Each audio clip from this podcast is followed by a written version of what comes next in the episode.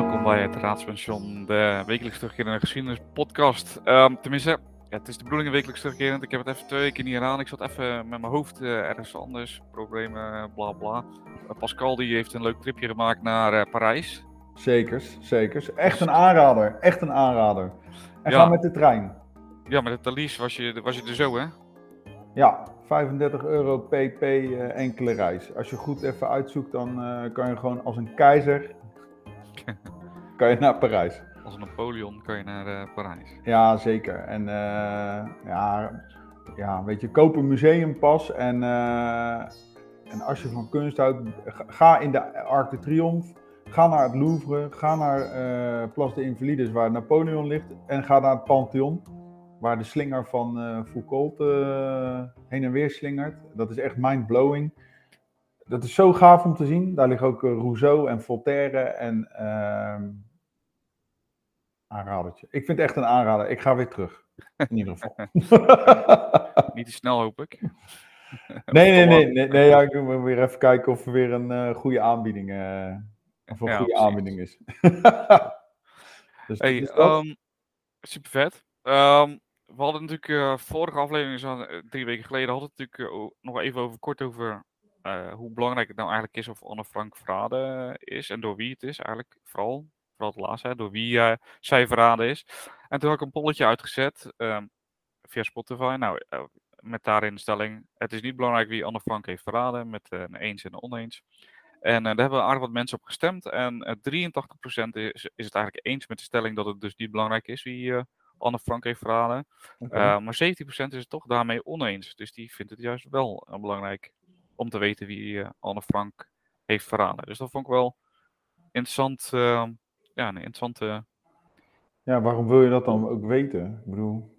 Misschien uh, een soort justice, gerechtigheid. Oh, zo. Ja, oké. Okay. Ja, ja. Nee, weet je niet, hè? Ik, ik, ik, weet het ook niet. dat zou ik, ja, misschien dat je denkt van, nou ja, na al die jaren dat de belangrijkste, het belangrijkste icoon van ons land, uh, het symbool van de onderdruiking uh, en de jodenvervolging, dat, die, ja, dat de, de verrader daarvan eindelijk wordt uh, Ja, dat een gezicht, dat een gezicht krijgt. Ja. Of misschien ja, dat het belangrijk is om, en waar we het al eerder over hebben gehad, dat we die motieven daarachter kunnen begrijpen als we ook weten wie het is. En dat het dan daarom misschien wel wat te behappen is. Van, dat je denkt van, oh ja, ja nu snap ik wel ergens waarom ja. het gebeurd is. Weet ja. ik niet. Het kan een van de twee zijn. Ik weet het ook kan niet. meerdere dingen zijn. Anyway, als we het toch over de Tweede Wereldoorlog hebben. Dat is misschien wel een interessant nieuwtje. Um, 12 april werd namelijk bekend, dus dat is gisteren. Dat uh, het aantal slachtoffers van het bombardement op Rotterdam um, uh, dat is jarenlang is dat geschat geweest, van hoe, uh, hoeveel slachtoffers er nou echt daadwerkelijk waren. Um, en er is onderzoek geweest en er is een officiële lijst met namen van slachtoffers gepubliceerd, gisteren dus. En ze hebben in totaal hebben ze 1150 namen achterhaald, van zowel burgers en militairen, en militairen dan natuurlijk ook van beide zijden, um, die omkwamen bij het bombardement in, in Rotterdam. Um, daarnaast zijn ook 100, uh, ruim 100 namen bekend van personen waarvan het vermoeden bestaat dat zij een slachtoffer zijn. Dus ze weten niet zeker, maar ze denken dat die ook een slachtoffer zijn. Um, ja, dus dat is wel uh, 80 jaar na dato wel, ja, wel knap dat ze dat hebben gedaan. Ja, mooi. Dus. En ze hebben, voor het onderzoek hebben ze gebruik gemaakt van gegevens van de nabestaanden. Um, maar ze hebben ook fysieke bronnen hebben ze gedigitaliseerd en die hebben ze ook weer geanalyseerd. Uh, denk daarbij bijvoorbeeld aan uh, overlijdensakten, geboorteakten, gezinskaarten, overlijdingsadvertenties. En uh, ze hebben het vergeleken met politieverslagen, militaire archieven. En dat weer met elkaar vergeleken met waar de locaties, wat de locaties waren waar de bommen vielen bijvoorbeeld. Om ja, op die manier toch met een zeer, hoe noem je dat, aangrenzende zekerheid. Ja, tot... Ja, hoe, ja, hoe zeg je dat inderdaad? Ja, en, Tot aan zekerheid grenzende, grenzende waarschijnlijkheid. waarschijnlijkheid. Ja, precies. Dat, ja, dat die mensen dus overleden zijn. In de lijst is gepubliceerd. Um, het oudste slachtoffer was een 91-jarige. Uh, die noemde Francina Bouwman. En de jongste was uh, van Druten. En die jongste was een baby van slechts 19 dagen oud. Ja, ja. verschrikkelijk. Dat geeft er maar weer aan hoe verschrikkelijk, uh, hoe verschrikkelijk eigenlijk oorlog dan ook is. Hè? En Ja. ook, nou ja, en in het verlengde daarvan ook het dus ehm, het aangrijpen van burgerdoelen om Ja. die doelen te bereiken. Als je dat als doctrine hebt, dan, eh, dan is er iets gewoon niet oké met jou. eh, dan is er echt iets niet goed. Nee, dan, eh, dan nee, precies. Maar dat zie, je, ja, dat zie je nu natuurlijk ook. Hè. De verschrikkelijkste verhalen komen naar voren in, uit Oekraïne. Ja, ja dat, kijk, als je dus burgerdoelen kan, als dat dus een onderdeel is van je doctrine, om dus zo eh, je winst te kunnen behalen, dan, eh, dan is er echt iets niet goed. En dan, eh, ja, dan zou je toch nog maar eventjes weer in de geschiedenisboekjes moeten duiken, waarin dus, ja, dat werkt gewoon niet. Het werkt echt niet. Nee. Ja, ik snap niet waarom mensen daar zo hardnekkig aan vast blijven houden, om alsnog op die manier, eh, nou ja, je, je, je doel te kunnen halen.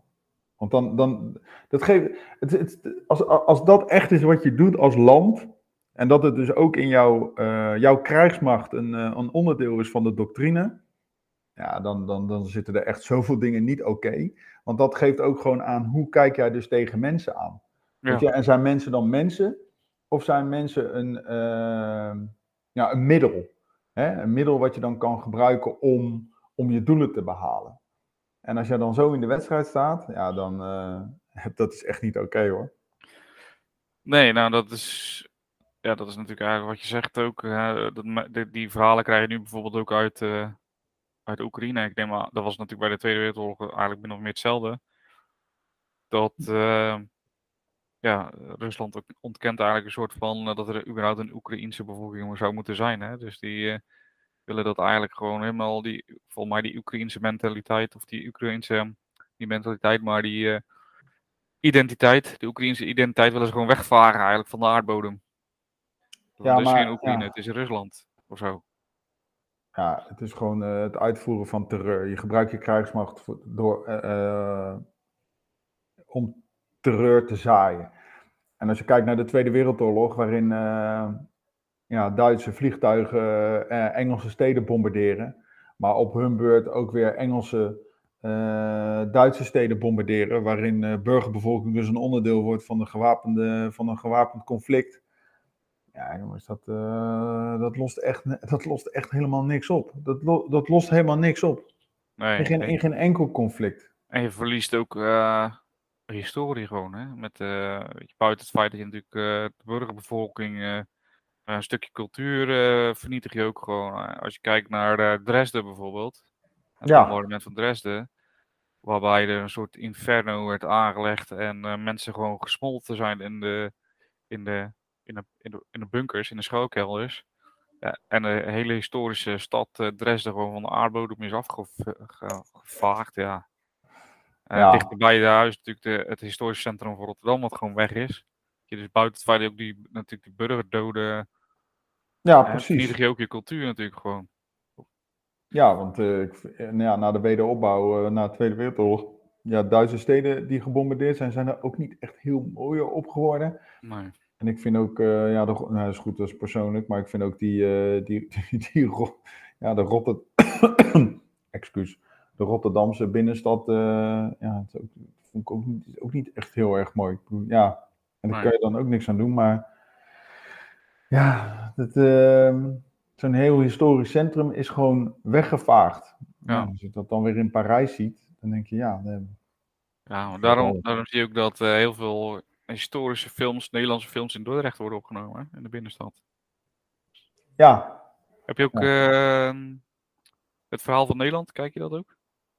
Nee, ik moet daar nog steeds een keer aan beginnen. Dat is, uh, ja, dat, daar, moet, daar moet ik, uh, ja, daar moet ik nog aan beginnen. Maar het lijkt me echt super leuk. Uh, ja, ja, ik vond het wel super interessant, maar ik vond het wel bijzonder. Kijk, ik weet dat je met, dat doe je in een les ook. Je moet, en dat doen we natuurlijk door heel de geschiedenis heen, dat je bepaalde zaken, je kan niet altijd alles benoemen, want dat is gewoon te veel. Er is Ja. zoveel geschiedenis. Maar het viel me wel op dat bijvoorbeeld de gebroeders de Wit niet voorkomen in het verhaal. Uh, Dat uh, onze eerste echte koning, hè, Lodewijk Napoleon, die wordt niet genoemd. Oh. Nou, dat vond ik toch wel, dat ik dacht van, dat zijn toch wel missers eigenlijk. Ja, waarom vind je dat missers dan? Nou, als je kijkt naar de gebroeders de Wit, hè, zeker naar uh, Johan de Wit, is toch wel min of meer uh, enerzijds de aanjager uh, van de Gouden Eeuw. Mm En anderzijds ook hè, het rampjaar is natuurlijk een heel bekend jaar. Daar ga ik vanuit, in ieder geval in de Nederlandse geschiedenis. Waarbij Nederland uh, of de Republiek in ieder geval aangevallen werd door Frankrijk, Engeland en de bis, bisdommen van Münster, Münster en Keulen. Ja. Aan alle kanten werd ingesloten.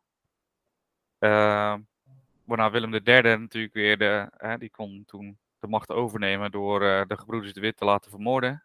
Dat is tenminste uh, niet bewezen in die zin dat het uh, altijd ontkend wordt door de koninklijke familie. Heel mm -hmm. toevallig, maar dat, dat waar, waar, wel heel veel bewijzen voor zijn dat het wel zo is. Maar anyway, Willem III heeft toen natuurlijk de republiek hersteld en die heeft zelfs Engeland overgenomen. Oh ja. Dat is allemaal in die tijd, uh, hè, dat is allemaal een gevolg van de Broeders de Wit en in die tijd. En dan is het, vind ik het bijzonder dat eigenlijk die Broeders de Wit en eerlijk gezegd Willem III wordt ook niet echt veel genoemd, maar die wordt dan tenminste nog genoemd. Mm -hmm. uh, ja, dat vind ik dan wel bijzonder dat daar helemaal niks over gezegd wordt. Oh, wat gek. Ja, dat is dan wel gek. En Lodewijk Napoleon is natuurlijk wel min of meer de, de grondlegger van ja, het Rijksmuseum. Uh, natuurlijk. Uh, daar en nog vele andere culturele plekken in Nederland. Die soort van begon met de Nederlandse identiteit een beetje op te bouwen. Uh, in die zin. Die ook uh, tegen zijn broer inging. Terwijl dat Nederland een soort vazalstaat was van Frankrijk. Was hij toch wel vaak. nam die het op voor de Nederlanders. Ja. Dus dat is wel bijzonder dat hij dan ook niet genoemd wordt. Vind ik persoonlijk. Nou ja, dat kan, ik kan me het wel goed voorstellen dat, die, dat, je, dat, je dat, dat je dat inderdaad vindt. Want hij, ja, hij maakt dus wel een belangrijk onderdeel uit van de, van de Nederlandse geschiedenis. Ja. Dat, dat, ja. Ja, dus, ja. Ik, weet, waarom, ik weet ook niet waarom ze daar uh, nee. voor hebben gekozen.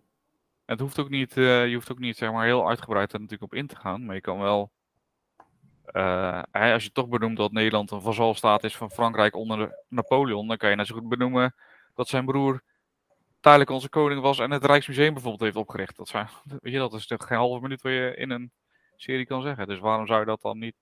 Ik snap, die keuze snap ik dan niet helemaal. Maar... Nou, kan, je dat niet aan ze vragen dan? Dan moet je dat, dan moet je dat vragen, Paul. ja, dat, dat is goed. Nou, misschien moet jij dat doen, hè? Je bent er morgen, dus... Uh... Ja, nee, dat is goed. Uh, dat is...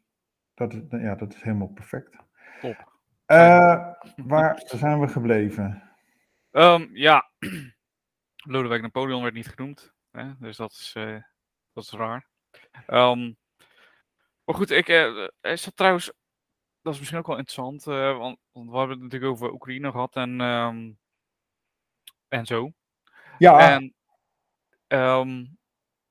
voordat we, want ja, dus gisteren zag ik op het nieuws, er staan twee generaals tegen elkaar. Ik dacht, nou, dat, uh, dat uh, moet ik Pascal vragen. Ja. Die, uh, die is natuurlijk generaal Bobbe. ja, ja, in mijn eigen wereldje. dus, maar nee, ik dacht ook van, gisteren zat ik toevallig op Twitter, nou, niet toevallig, ik zat gisteren op Twitter. En toen was daar een soort, um, ja, ook podcast, uitzending, aflevering, aflevering iets met een aantal mensen, ook Beatrice de Graaf. Ehm, die hadden eigenlijk een soort van vergelijking tussen uh, een democratie en een autocratie. En welke nou eigenlijk beter was, zeg maar. Dat was, ja, dat is een beetje heel bazaal gezegd. Hè? Dus, uh, maar er was een soort van discussie van, ja, weet je, um, uh, zat natuurlijk onder, hadden we dit kunnen voorkomen, hadden we dit kunnen aanzien komen. blijven we als Europa, zeg maar, met onze democratie, zijn wij niet gewoon wel echt een, een zwak punt dat we uit elkaar kunnen vallen natuurlijk. Hè? Omdat er ook zoveel verschillende meningen zijn. Toen dacht ik, oh, dat vind ik wel interessant om dat ook even met uh, Pascal, hoe hij daarover denkt, uh, even te, te, sparren. Want ik dacht van, ja, weet je, uh, dat zei ze ook in die podcast bijvoorbeeld. Enerzijds, ja, democratieën zijn natuurlijk wel in die zin zwak. Als we kijken naar de coronacrisis bijvoorbeeld, dan is het heel moeilijk om daar een goede aanpak voor te verzinnen. Omdat, omdat er gewoon veel verschillende meningen zijn. Uh, en met een dictatuur of autocratie kan je natuurlijk heel makkelijk zeggen: hey, dit gaan we doen en iedereen moet het gewoon volgen. Nou, uh, kijk maar naar China nu. Bijvoorbeeld, ja. Uh, ik bedoel, gisteren op tv zag je ook iedereen getest worden, elke Chinees getest worden, hoe oud ze ook waren. En dan denk je, ja, als je dat in Nederland zou doen, dan zou je gelijk half Nederland over je heen krijgen van uh, weet ik het wat. Nou, misschien niet half nou, Nederland, maar... Nee, uh, ik, ik, ik vind het juist hoe het hier... Kijk, dat, nu doet de onderzoeksraad van de veiligheid, die is nu aan het kijken van... Uh, nou ja, hoe, hoe hebben we die crisis aangepakt? Nou, er zijn natuurlijk altijd wel mooie verbeterpunten. Ehm, maar kijk even nu naar eh, Shanghai. Nu is het natuurlijk een hele grote stad. Mensen zitten daar gewoon fucking opgesloten. Mensen, mensen, zelfs mensen daar komen nu in protest. Mensen worden gewoon dusdanig geïsoleerd dat mensen gewoon nu echt denken van ja, nu ben ik helemaal klaar mee. Je kan niet eens boodschappen krijgen. Dus ja, ja ga je dat afspiegelen met een totalitair regime en hoe we het hier in deze, onze democratie hebben opgelost, dan denk ik, nou jongens, ik ben zo fucking blij dat ik in, de, in, in Nederland woon. Want uiteindelijk, ik kan gewoon weer naar buiten. Ik kan gewoon weer doen en laten wat ik wil. Ik, kan, uh, ik heb de corona-app heb ik niet meer nodig. Uh, het, het, het, het is voorbij en we moeten er nog wel rekening houden dat het niet weg is. Maar uh, ja, uiteindelijk het gaat er dus om dat, dat, wij denken dat dus in een dictatuur we dan daadkrachtiger kunnen optreden en dat we dan niet meer hoeven te overleggen. Ja, dat is aan de ene kant misschien ook wel zo. Maar ja, kijk uiteindelijk op de lange termijn het effect het, mooie hierin is, in, in onze maatschappij, kijk, je hebt nog wel de ruimte om te kunnen nadenken. Je hebt nog wel de ruimte om uh, met elkaar in overleg te gaan, om dingen met elkaar af te wegen. Ja, dat gaat misschien ten koste van de snelheid en de doeltreffendheid. Maar ja, uiteindelijk hebben we hier ook wel weer een mechanisme waarin we zeggen van, nou jongens, dit hebben we niet goed aangepakt, dat moeten we in het vervolg beter doen. Gaat het dan in het vervolg beter? Ja, dat weten we ook niet. Dat zal de toekomst moeten uitwijzen. Maar jongens, uh, laten we alsjeblieft bij zijn dat we dat we nu, we, we kunnen kennis uh, vergaren en we kunnen, we, we, kunnen kennis met elkaar delen en we kunnen met elkaar in overleg. Ja, kijk, geen enkel systeem is perfect, maar doe maar dan maar dit systeem. Ja, ja dat was ook, dat was ook de, wel min of meer de conclusie natuurlijk uh, uit dat uh, gesprek van, van ja, weet je, wij zijn natuurlijk al als, als Nederland zitten we al vanaf de Republiek op eigenlijk een soort van democratie. Ja, dat het volk zelf bestuurt. En uh, ja, dus, dus als je zo lang al een, eh, een, een bestuur hebt wat gewoon uh, blijkbaar werkt en wat ook veel mensen willen, hè, want het is ook, als je kijkt hoe de wereld uh, gezien, dan zeggen toch heel veel mensen, nou doe maar maar een democratie. want we vinden het toch heel belangrijk, dat zelfbeschikkingsrecht vinden we toch heel belangrijk. Ja. Dus um, ja, dan kunnen we misschien af en toe het oneens zijn met elkaar, maar uiteindelijk zal, ja, is de democratie tot nu toe toch de meest ja, het meest goede systeem gebleken. Nou ja, precies. Nou, dat, dat, dat vind ik ook. Kijk, en wat ons wel kwetsbaar maakt, en daar hebben we het volgens mij ook wel eens eerder over gehad, is dat, uh, ja, kijk, we, hebben, we geven overal inzicht in. Wij lijken heel erg transparant en wij lijken, uh, dat, dan lijkt het, we zijn ook, te, we lijken dan verdeeld. Maar goed, kijk, als je dus ziet naar Rusland en hoe zij nu proberen dat land bij elkaar te houden door naar mensen te straffen die er anders over denken. Ja, dat, dat klopt voor geen kant. Dat klopt echt voor geen kant. Kom op zeg. Ja, en dat uit zich ook in hoe die strijdkrachten, uh, hoe, hoe, hoe die opereren. Want jij zegt net over die twee generaals die nu uh, tegenover elkaar staan. Nou ja, dat, dat, dat is wel een interessant, uh, dat, dat is wel een interessant gegeven. Want hoe kan het nu zo zijn dat die, dat die Russen zo verschrikkelijk veel, nou, gewoon oorlogsmisdaden plegen? Ja, als dat in de doctrine zit, maar dat zit dus ook al in hoe worden die mensen opgeleid. Uh, ja, die worden ook opgeleid met geweld. Die worden ook opgeleid met uh, straffen, collectief straffen.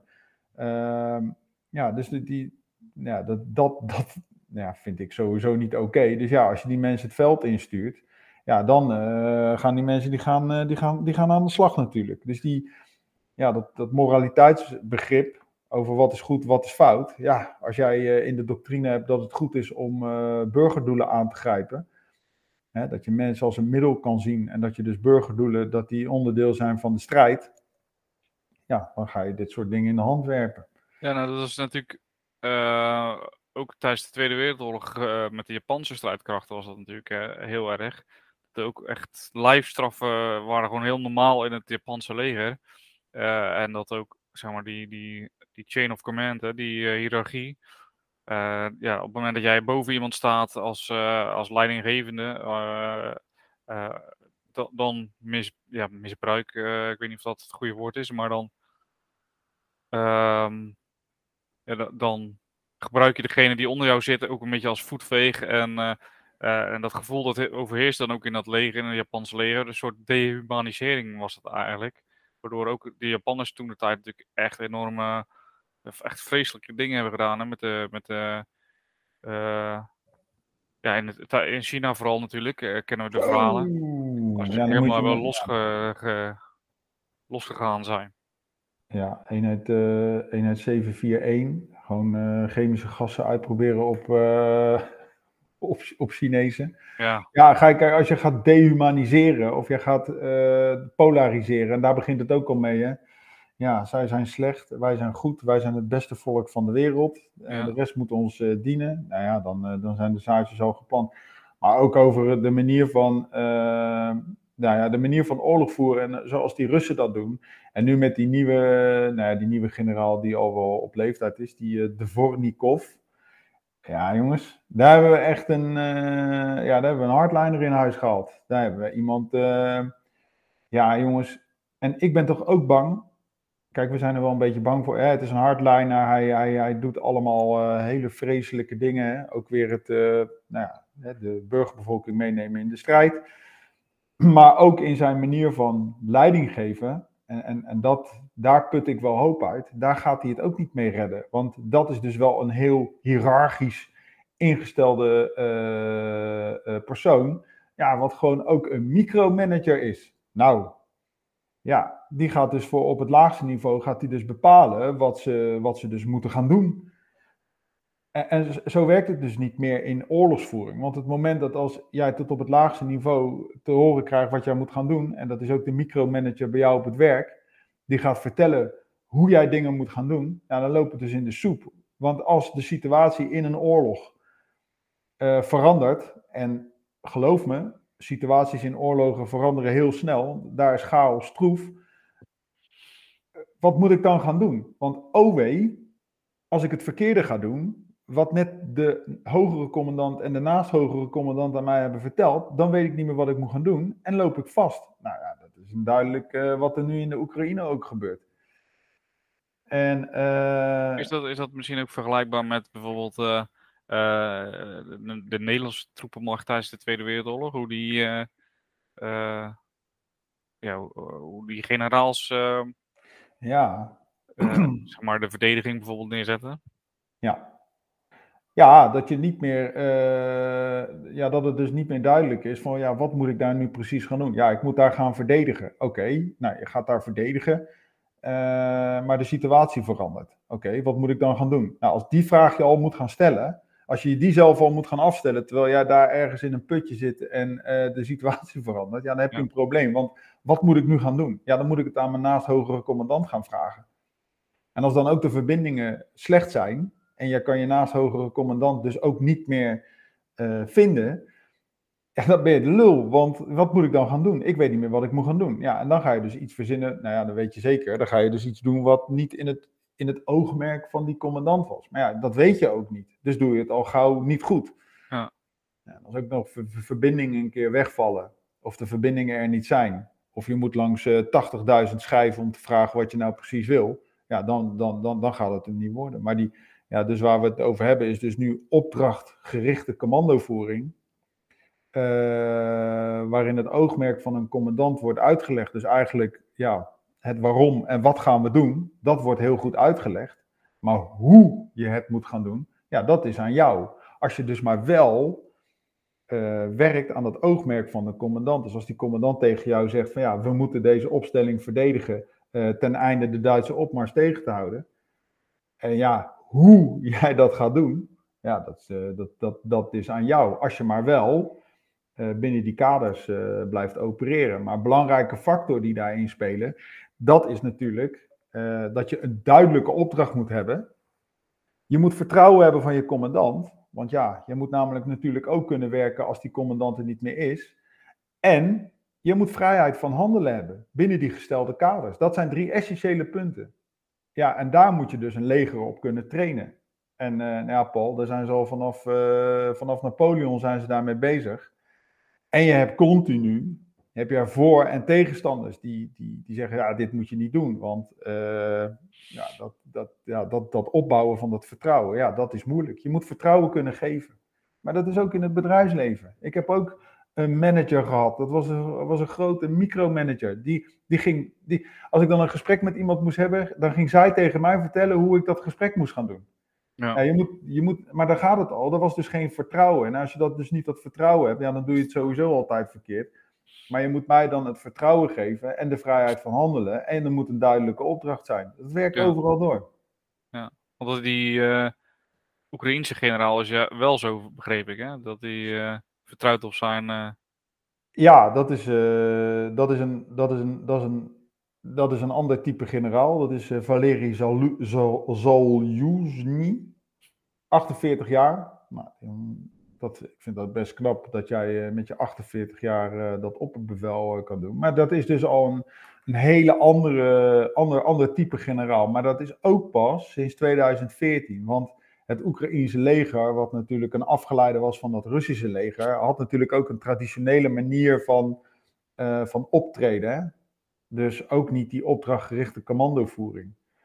Uh, ja, en dat doet hij dus nu wel. Hij geeft dus veel meer vrijheid van handelen, vertrouwen en ook een duidelijke opdracht uh, meegeven. Zodat jij dus ja, dat vertrouwen, uh, zodat je er vertrouwen in kan hebben dat de eenheden die onder jou zitten gewoon ja, handelen naar, naar, naar, naar, zeg maar jouw, naar jouw hogere doel.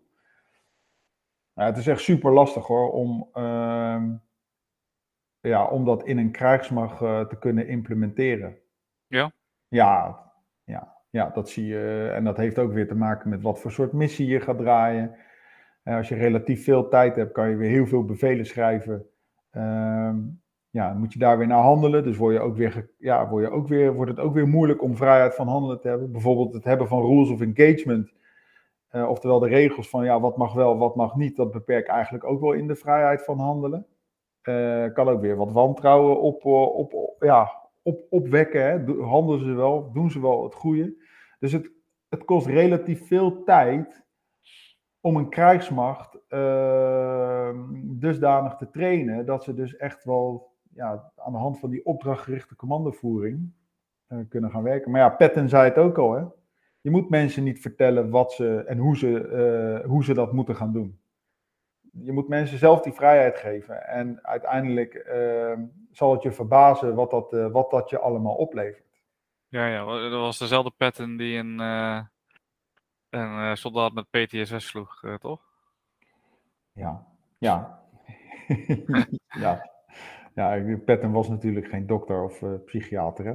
Nee, nee, nee. Mensen, ja. kunnen, mensen als generaal. Ook niet alles. Nee, ja, dat je als generaal. Ja, goed. Andere tijden, jongens. Andere tijden. Andere tijden, ja. Maar dit, maar dit komt al vanaf de Napoleontische tijd, hè? Dus uh, Napoleon die versloeg de Pruisen uh, ergens in Jena of zo. Ja, dat doet er ook allemaal niet toe.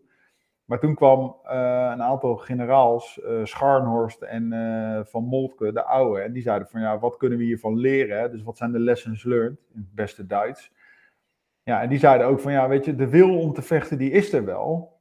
Maar niet de creativiteit om om te gaan met de, met de veranderingen die op dat slagveld uh, plaatsvonden. Kijk, en dat had Napoleon al wat beter in de gaten. Dat hij zei, ja, ik laat de verantwoordelijkheid gewoon op de niveaus waar ze horen te liggen. En op die niveaus krijgen zij ook de vrijheid van handelen die daarbij hoort. En daardoor konden zij dus die slag winnen. Maar dat, dan praten we dus over begin 19e eeuw. En, en, en, daar komt eigenlijk bij die Duitsers ook die auftraagstactiek uh, vandaan. Hè? Dus dat je dus, dus zij hebben daar dus van geleerd, nemen dat mee in de doctrine, gaan daar ook naar opleiden. Ja, en je ziet dus dat dat Duitse leger een stuk bekwamer daarin wordt. En daar dus mee aan de slag gaan. Nou, na de Eerste Wereldoorlog, uh, nou, die hebben ze dan hebben ze dat ook nog eens een keer geanalyseerd. En toen zeiden ze van ja, een groot onderdeel van het kunnen, uh, met die auftraagstechniek is dus daar, dat je veel snelheid moet gaan creëren. Hè, die oorlog moet gewoon snel gaan. Pap, pap, pap. Daarmee heb je vrij, creëer je vrijheid van handelen. Hoppakee, en kan je die slag uh, winnen. De Engelsen en de Fransen dachten op dat moment: nee, dat mag helemaal niet zo. Dus die, die zaten nog steeds in dat oude denken. Zelfs in de Tweede Wereldoorlog. Nou ja, goed, in de, in de beginperiode van de Tweede Wereldoorlog waren de Duitsers uh, nou, die hadden toch wel redelijk veel succes met de Blitzkrieg. Nou, dat komt daar allemaal vandaan. Uh, en pas tegen het eind van de oorlog krijgen die geallieerden pas door dat deze manier van uh, vechten, of het opnemen in je doctrine, dus die uh, opdrachtgerichte commandovoering, dat dat gewoon veel beter werkt. Alleen ja, je moet wel aan een aantal voorwaarden doen, want ja, anders klapt, kan het ook zomaar in elkaar klappen. En dan werkt het juist averechts. Want ja, uh, het heeft ook nadelen. Want ja, als jij zegt, ja, jij, jij, krijgt de vrijheid van handelen, ja, dan, dan moet je daar wel duidelijk bij aangeven binnen welke regels dat dan moet gaan plaatsen. En als je dat niet doet, ja, dan is die opdracht ook niet duidelijk en dan krijg je natuurlijk ook weer excessen. Want ja, dan kan ik ook voor mezelf bedenken, ja, als ik mijn opdracht haal om een stad te veroveren, ja, dan kan ik hem ook wel plat bombarderen. Maar dan gaat het weer te ver. Dus ja, uh, het evolueert, het is uh, bezig, maar ik denk wel dat de krijgsmacht die inderdaad op met, die werkt met opdrachtgerichte commandovoering en dus uh, creativiteit bij de personen laat en dus vertrouwen en vrijheid van handelen geeft, uh, de grootste kans op succes heeft. En daarom denk ik, dat durf ik hardop te zeggen, dat, dat die Rus daar, daar ook gewoon niet gaat winnen. Juist omdat hij zo hiërarchisch en micromanager is. Dat, dat, dat, gaat hij niet, dat gaat hem niet worden. Nou, dat wordt wel interessant dan. Ja. ja er is überhaupt nog een kans om dit uh, tot een goed einde te brengen? Of is dit gewoon de meest, uh, hoe zeg dat? Een behoorlijke nederlaag, zeg maar. En, uh... ja, ja, het feit dat hij Kiev niet snel even weet binnen te halen, is natuurlijk al, dat is natuurlijk al, dat, had, dat liep al anders dan verwacht. Ehm, ik denk Um, ik denk dat. Kijk, de, de, de Russische krijgsmacht is, nog, is, is, is vrij groot. Dus wat zij kunnen doen, zij kunnen er gewoon een lang slepend conflict van maken, omdat zij gewoon genoeg middelen hebben om het een beetje, ja, om, om, die, om die Oekraïners een beetje te gaan slijten. Mm -hmm. Uh, ja, je kan dit conflict kan je lang volhouden. Ja, dan ga je je ingraven en dan uh, ga je een beetje in de Donbass en in de Luhansk kan je een beetje gaan, uh, gaan rommelen. Ja, dat kan je langer volhouden. Dus kijk, jij, jij kan dus die Oekraïners aan jou gebonden houden. Hè? Ja, hoe lang houden die Oekraïners dat vol? ja, en ik denk op dit moment, kijk, als je gewoon cijfermatig ernaar gaat kijken, ja, dan, dan hebben die Russen wat, wat betere kaarten. Ja, misschien gaan ze daar wel op spelen het uithongeren, ja, dan hebben zij, uh, ja, dan kunnen zij wat, dan kunnen zij het, hebben zij wat meer vlees op, op, de, op de botten. Ja, ja, ja. Ik denk okay. dat, dat, uh, dat dat de tactiek gaat worden. Ja, dan ga je je ingraven en dan, ja, dan krijg je een soort Eerste Wereldoorlogje. En dan gaan ze tegen elkaar vanuit de loopgraven naar elkaar. Ja. ja. Nou ja, ik ben benieuwd. Uh, hoe dat, uh, hoe dat verder gaat lopen. Ja, die generaals die uh, tegenover elkaar staan. Vind ik wel interessant. Was wel een interessante analyse, vond ik. Ja, ja. En ik, ik, ben, ik ben nu benieuwd in hoeverre er nu andere landen bij betrokken gaan worden. Dus hoe gaat de Europese Unie hier nu verder mee om? Gaan we door met wapenleveranties? Gaat de Finland en Zweden zich nu ook aansluiten bij de EU, eh, bij, de, bij de NATO. Ja. ja, want uh, Rusland alweer gewaarschuwd, hè, als jullie bij de NAVO gaan, zullen daar gevolgen aan zitten. Ja, en dan wat zijn dan die gevolgen? Ik bedoel, want ja, als het je ook niet lukt om Kiev binnen te vallen. Ja. Want uh, vlak die vinden niet uit, jongen. Nou, die zitten echt met mes tussen de tanden die, die, daar is er echt alles aan gelegen om die gasten tegen te houden. Ja. En dat is een nog, uh, een, een, nog beter leger dan, uh, dan de Oekraïners. En uh, ja, ik geloof niet, die, die, die, die, die, zit, die zijn al zo voorbereid om daar de strijd aan te gaan. Ja, dat, durft, dat, dat doet die Rus nooit natuurlijk. Als hij slim ja, is niet. Nee, nee, als hij slim is niet. Want ja, goed, hij is nu in de Oekraïne bezig. En het is best een groot leger. Maar om nu ook te zeggen, ja, we gaan dan ook maar in Finland beginnen ja, wat, wat ga je dus nu doen? En wat me wel zorgen baart, is dat gewoon uh, dat er elke keer die intentie is om ook chemische, chemische wapens te, te gebruiken. En dat... Ik begreep van dat, uh, dat, dat, dat Azov-bataljon, dat dat al uh, claimt dat dat al gebeurd is, hè? Ja, ja, en dan eh, kom je echt in een hele andere vorm van oorlog voeren. En, eh, en er zijn natuurlijk die, dat Azov-bataljon. Ja, dan moet je ook maar afvragen of dat ook allemaal waar is. Maar kijk, het alleen al vanaf Russische kant al dreigen met het inzetten van chemische wapens. Ja, dat betekent ook dat zeg maar, jouw manier van oorlog voeren wordt ook al anders. Hè? Want je moet dus wel beschermende maatregelen gaan nemen om uh, je te kunnen beschermen tegen die chemische strijdmiddelen. En ik kan je ook vertellen, alleen een gasmasker of een veldmasker, dat helpt dus niet. Je moet dus, uh, het moment dat dat gebeurt, moet je je dus helemaal al gaan inpakken. En daar heb je dus ook al verschillende gradaties in. Hè? Dus, als je, dus je moet een gaswerend pak, ja, dus, want het is gewoon een vloeistof wat ook via je huid kan binnendringen. Ja, dat moet je al gaan doen. Dus de, en het moment, en dat weet ik uit ervaring, het moment dat je dat soort dingen al moet gaan aantrekken en dat je extra handelingen moet gaan doen om jezelf maar te kunnen verdedigen tegen een eventuele uh, chemische aanval, ja, dat is, dat is ruk, dat is slopend. En dat houden, houden eenheden, houden dat gewoon niet heel erg, dat houden ze niet lang vol. Want uiteindelijk moet je met zo'n pak, dat pak dat moet heel blijven. Het moment dat daar scheuren in komen, dan ben je ook al de sjaak. Uh, je moet heel veel extra handelingen doen om jezelf inzetbaar te kunnen houden. En eigenlijk is het enige wat dus die Rus heeft gedaan door ermee te dreigen. Mm. Nou ja, ik dank je de koekoek. Ja, dat is, ja, dat is niet, dat, dat, dat maakt het niet leuk. En nou zegt die Rus ook, ja, ik heb, uh, wij hebben geen chemische wapens. Nou ja, mind you, uh, 60% van de artilleriemunitie ten tijde van de Koude Oorlog was chemische uh, munitie. Dus, ja, dus het feit dat jij zegt, ja, wij, wij zijn niet in het bezit van chemische munitie, nou, dat is, nou ja, dat is gewoon een regelrechte leugen. En al, al zouden ze het niet hebben, dan hebben zij zeker wel de kennis om het weer te kunnen maken. Dus. Ja. Ja. ja. En dan wordt het een hele andere oorlog. Want dan, als het een chemische oorlog wordt, dan. Uh, ja, dat, dat, dat, dat, ja, dat, dat, ja, dat wil je gewoon niet dan wordt het echt verschrikkelijk. Want iedereen die onbeschermd is, ook al heb jij maar, uh, al zou je één handschoen niet aan hebben en jij zit er middenin, je bent klaar. Ja. Dan is het klaar. Ja, en dat, maar dit hoorde wel bij de Russische doctrine. Uh, grootschalige artilleriebeschietingen met chemische, met, met, met, of, hè, met granaten met een chemische lading. Ja, dat is, uh, ja, dat hoort helemaal, dat hoort helemaal bij. En ik kan je vertellen dat een aanval met sarin zeg maar, door, op de manier zoals de Russen dat dan deden hè, in, die, in die Koude Oorlog, is gewoon, dan is het, en je bent niet beschermd, is gewoon uh, 100% uh, klaar. Ja. Als je in die, in die cirkel zit waarin die granaten uh, terechtkomen. Nou, dat uh, biedt geen prettige vooruitgang. geen prettig blik vooruit.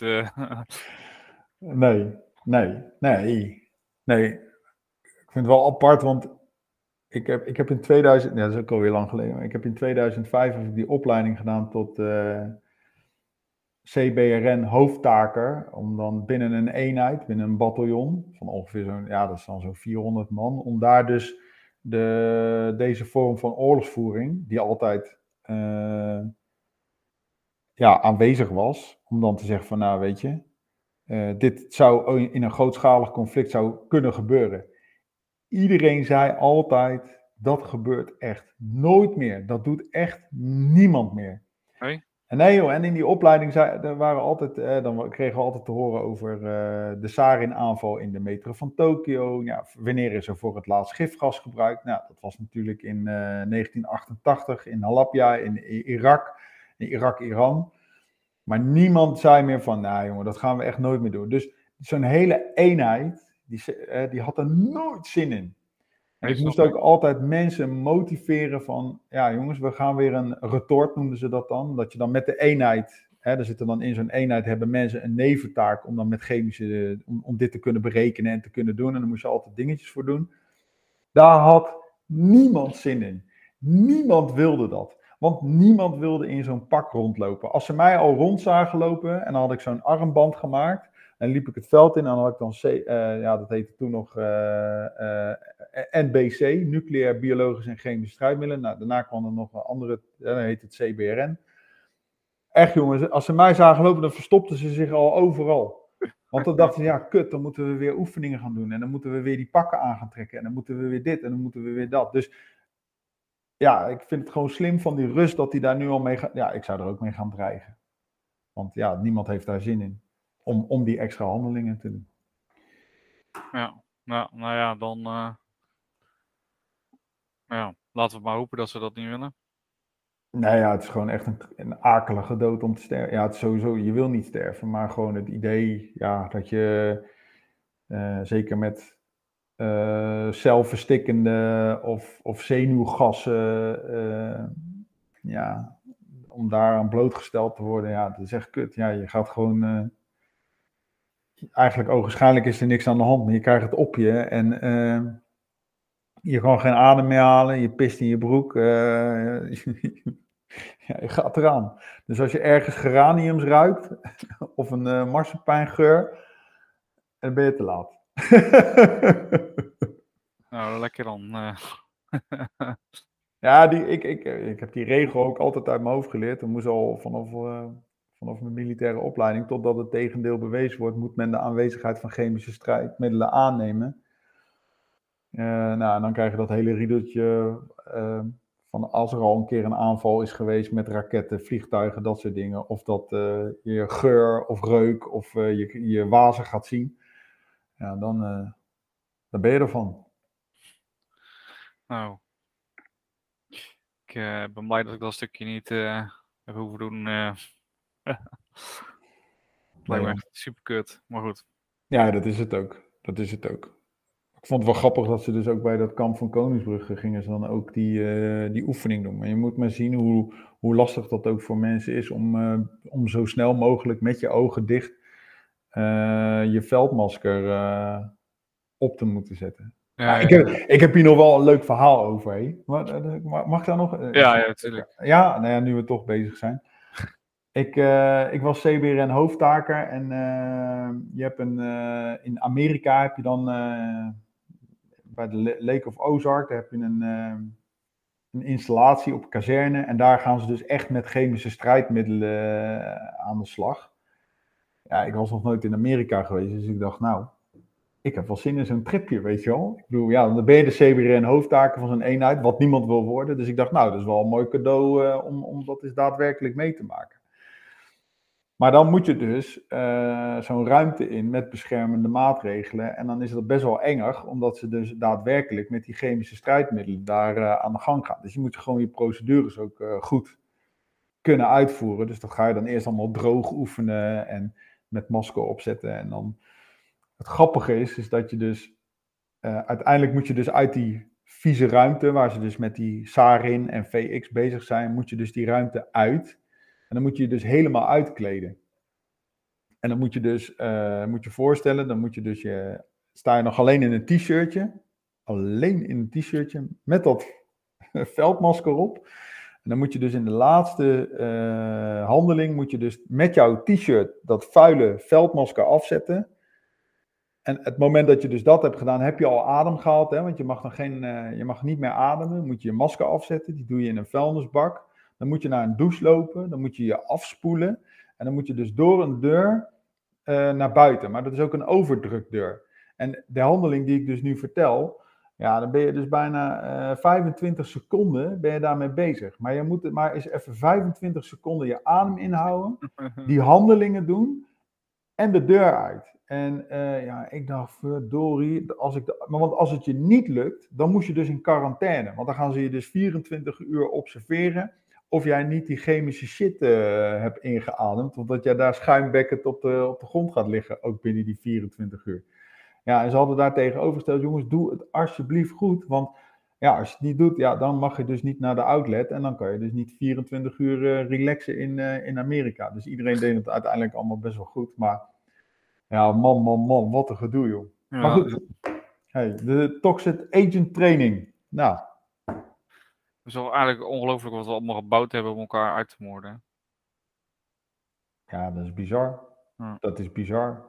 Dat we uiteindelijk uh, middelen hebben bedacht om uh, mensen maar een beetje, ja, om mensen uit te schakelen. Ja. Maar dit is wel echt het vreselijkste, omdat Ja, en waarom is dit verboden? Ja, weet je, je vuurt het af, maar je weet niet, raak ik er burgers mee of raak ik er militairen mee? Dus ja, daarom is dit wapen ook gewoon verboden en dat vind ik maar goed ook. Ja.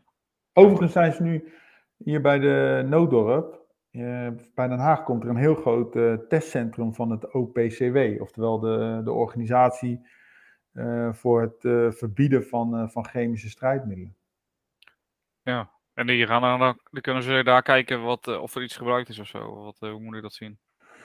Nou ja, goed, zij, zij hebben zichzelf ten doel gesteld om, om al die chemische wapens uh, zo ver mogelijk uh, uit, uh, uit te bannen. En zij registreren natuurlijk ook alle, alle, al het gebruik daarvan. Maar ja, het, het, blijkt heel moeilijk te zijn om, om ook het te kunnen aantonen. Want ja, ja dat sarin, dat is een, ja, een vloei, het is eigenlijk een soort vloeistof. En, en die verdampt heel snel. Dus ja, uiteindelijk is het een keer weg. Dan is dat gewoon weg. Uh, eh, VX is het bijna hetzelfde, maar blijft langer liggen. Dus dat is, ja, het lijkt meer een beetje op kattenpis. Zo toen ze dat ook op zo'n tafeltje neerlegden, dan een heel klein druppeltje.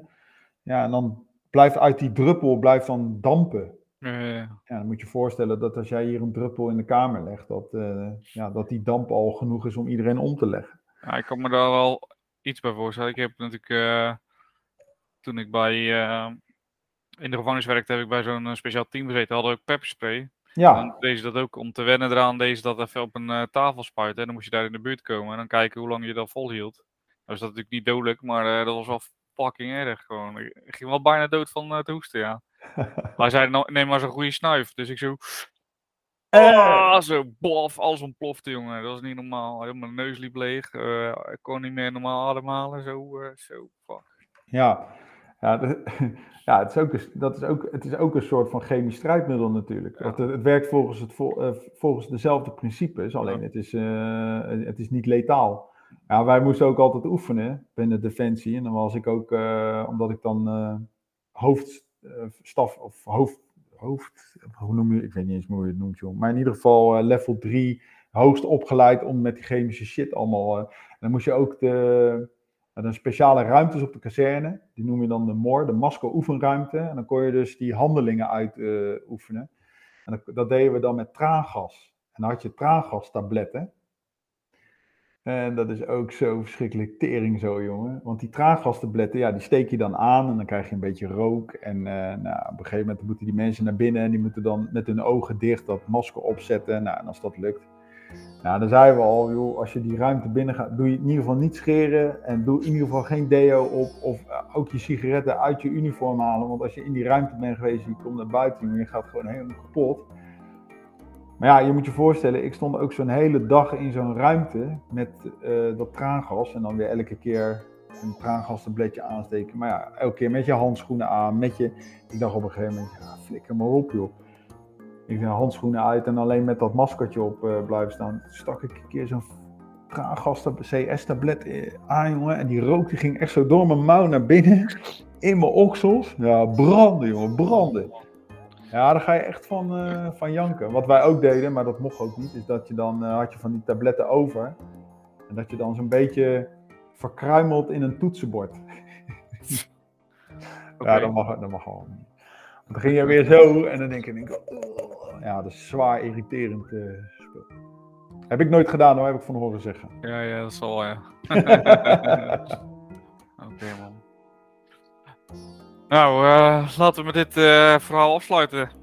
Ja, Toch? Goed, ja, ja, ja, ik hoop dat mensen dat interessant vonden. Ja, ik hoop het ook. Inkijkje in opdrachtgerichte commandovoering en gebruik van chemische strijdmiddelen. Volgende week uh, nog één keer en dan hebben we twee weken sowieso even vakantie, is mijn vakantie. En dan wil ik echt even de tijd nemen om, uh, om bij te tanken. Helemaal goed. Heb ik wel verdiend, vind ik zelf. Nou, dan heb je het verdiend. Als jij vindt dat je het hebt verdiend, heb je het verdiend. Dat vind ik zeker. Dus. Um, dus. Ja. Ja, nou, uh, in ieder geval alle luisteraars bedankt voor het luisteren. Uh, tot uh, volgende week weer. Um, hebben jullie nog vragen of opmerkingen? Stuur ze naar geschiedenis.paulushistoricus.nl of vind mij op een van de social media kanalen. En ja, Werk ze nog? Ja, werk ze en... Tot volgende week. Tot, ja, tot volgende week. Dankjewel.